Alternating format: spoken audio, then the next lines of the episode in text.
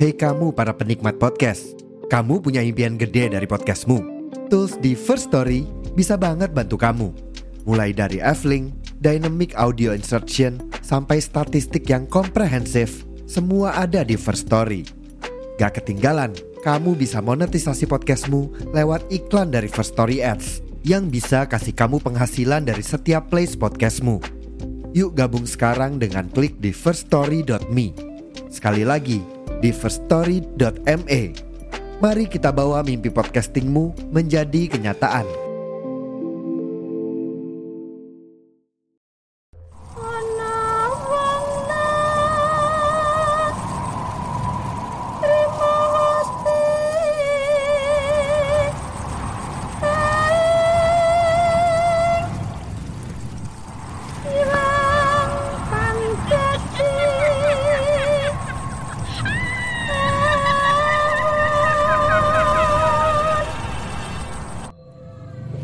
Assalamualaikum warahmatullahi wabarakatuh. Listener setia podcast kisah lembut. Seneng banget di kesempatan Hamin satu lebaran ini Aku masih bisa menyapa teman-teman semua. Masih bisa berbagi cerita di podcast kisah lembut. Dan tentunya gak lupa ya Aku mau ngucapin Selamat Hari Raya Idul Fitri Buat teman-teman semuanya. Minal aidin wal faizin Mohon maaf lahir dan batin.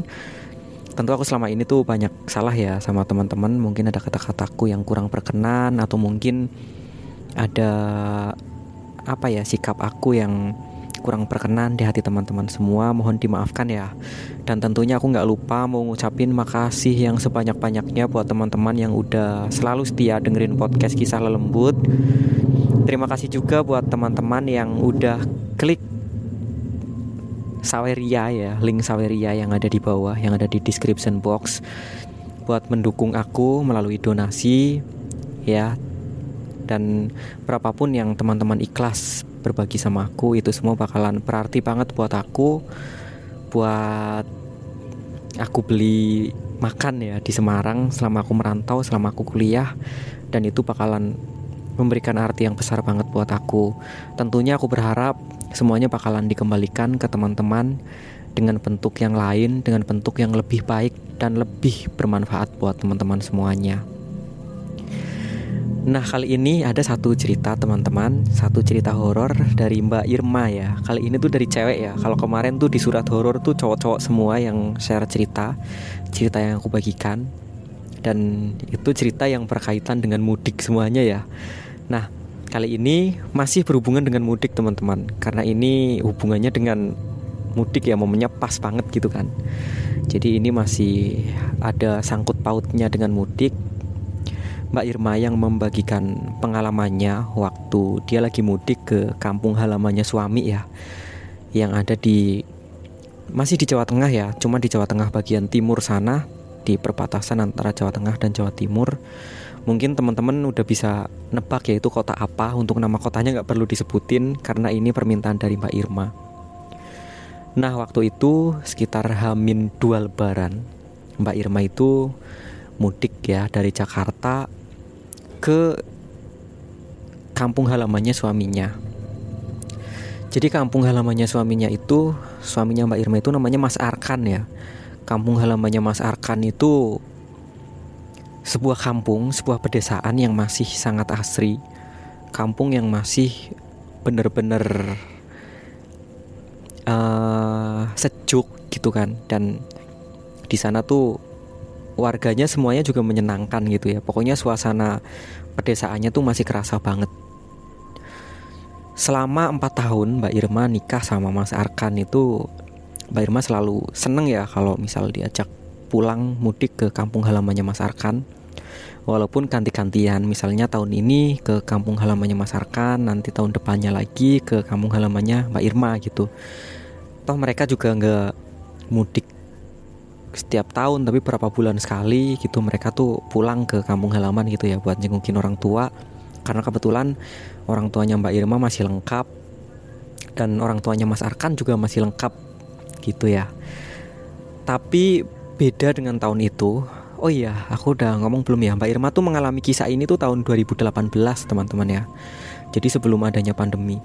Hari Raya Idul Fitri tahun 2018 Mbak Irma mengalami kejadian ini Waktu itu Hamin dua lebaran Mbak Irma pulang ke kampung halamannya Mas Arkan dan sampai di sana itu sore ya menjelang sore lah jam 2 siang. Ya, Mbak Irma sama Mas Arkan sama satu orang anaknya namanya Abel ya usianya masih 2 tahun waktu itu nyampe di sana di kampung halaman gitu. Karena Mas Arkan itu anak satu-satunya jadi di sana ya orang tuanya cuma nyambut Mas Arkan gak ada kakak apa adiknya yang ke situ ya karena itu anak satu-satunya gitu kan. Jadi orang tuanya tuh seneng gitu kan. Wah anakku lanang pulang gitu kan. Anakku laki-laki pulang gitu. Orang tuanya seneng dan ya Mbak Irma pun seneng gitu kan. Karena di sana tuh bener-bener desa yang asik gitu kan tapi uh, ada satu hal yang Mbak Irma alami yang mungkin ini nggak bisa Mbak Irma lupakan ya. Bahkan masih sampai sekarang tuh Mbak Irma tuh masih ingat dengan jelas kejadian ini. Waktu itu habis buka bersama kan sama ibu bapak lah sama kakek nenek gitu. Habis buka bersama dan setelah buka Mas Arkan sama ibu bapaknya termasuk Abel itu berangkat sholat taraweh nah kebetulan sehabis buka pas ya itu Mbak Irma tuh datang bulan gitu. Biasa ya wanita dapat tamu setiap bulan gitu kan. Mbak Irma datang bulan akhirnya Mbak Irma tuh nggak bisa ikut trawe dong otomatis. Nah sampai akhirnya Mas Arkan dek aku mau trawe nih. Kamu di rumah sendiri nggak apa-apa. Kayaknya bapak ibu juga mau trawe gitu ya udah nggak apa-apa mas. Aku sama Abel aja di rumah. Itu kan jawab Mbak Irma. Nah tapi ternyata waktu Mbak Irma ngomong kayak gitu tuh si Abel juga minta traweh gitu. Ternyata minta ikut ya, kakek neneknya. Minta ikut sholat taraweh gitu. Ya udah akhirnya Mbak Irma di rumah pun sendiri. Dan karena semuanya udah berangkat taraweh jadi sepi banget ya. Dan itu tuh suasananya tuh bener-bener kerasa pedesaannya banget ada suara jangkrik dan lain sebagainya. Pokoknya suasana malam di pedesaan gitulah ya yang bener-bener syahdu banget katanya Mbak Irma. Nah lagi asik-asik menikmati suasana pedesaan yang asri itu ya Mendengarkan suara malam gitu kan. Menikmati alunan-alunan suara malam gitu. Tiba-tiba tuh Mbak Irma tuh ngedenger suara ayam teman-teman. Suara anak ayam ya tepatnya ya. Suara piek piek piek gitu Kayak anak ayam gitulah bunyinya gimana sih gitu kan. Nah itu awalnya Mbak Irma nggak terlalu menghiraukan suara itu ya Karena kebetulan ibunya Mas Arkan juga memelihara ayam gitu kan. Ayamnya banyak di belakang sana di kebun belakang ya karena di kebun belakang tuh masih luas dan itu digunakan untuk memelihara beberapa puluh ekor ayam gitu. Tapi lama kelamaan suara itu tuh semakin keras gitu. Piak piak piak piak gitu semakin lama semakin keras semakin keras. Sampai akhirnya Mbak Irma mulai terusik gitu kan. Ini ada anak ayam yang belum masuk ke kandang nih kayaknya gitu. Nah terus akhirnya Mbak Irma tuh belum ini ya belum terlalu terganggu banget gitu. Tapi semakin lama semakin deket dan suara itu tuh tepat di samping kamarnya. Jadi di kamarnya Mbak Irma itu kan ada jendela kan. Dan di luar jendela itu jendelanya itu menghadap ke samping rumah. Dan di samping rumah itu area kebun. Yang di sana tuh ada beberapa kebun pisang terus ada pohon nangka juga gitu kan. Lah suara ayam itu tuh berasal dari situ.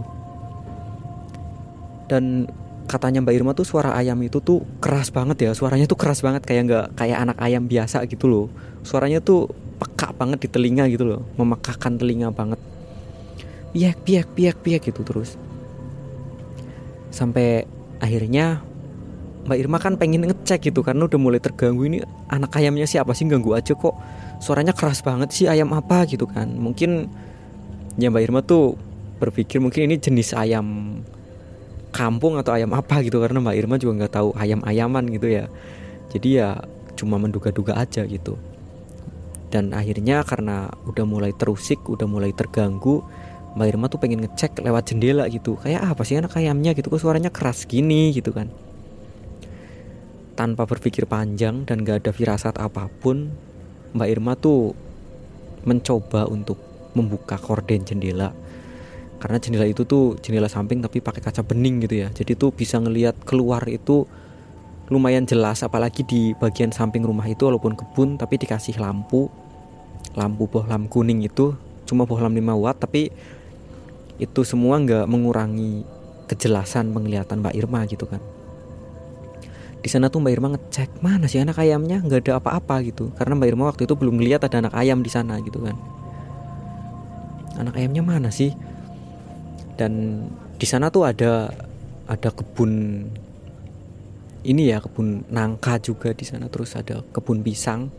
Nah suara ayam itu tuh berasal dari apa sih namanya rumpunan pohon pisang ya. Eh, dapuran pohon pisang gitulah atau rumpunan pohon pisang yang gerombol itu pohon pisang gede-gede gitu. Nah suara anak ayam itu tuh berasal dari sana. Otomatis Mbak Irma mengarahkan pandangannya ke sana kan. Dan ternyata di sana tuh nggak ada anak ayam tapi adanya sosok sosok seorang wanita ya. Seorang wanita yang pakai baju putih pakai long dress putih yang megar gitu. Dan itu rambutnya tuh gimbal gitu ya rambutnya tuh gede panjang gimbal gitu. Dan Mbak Irma langsung astagfirullahaladzim astagfirullahaladzim. Itu apaan gitu kan? Mbak Irma tuh bener-bener kayak mematung sesaat gitu loh waktu ngeliat itu bener-bener mematung sesaat dan sampai sosok itu tuh noleh ke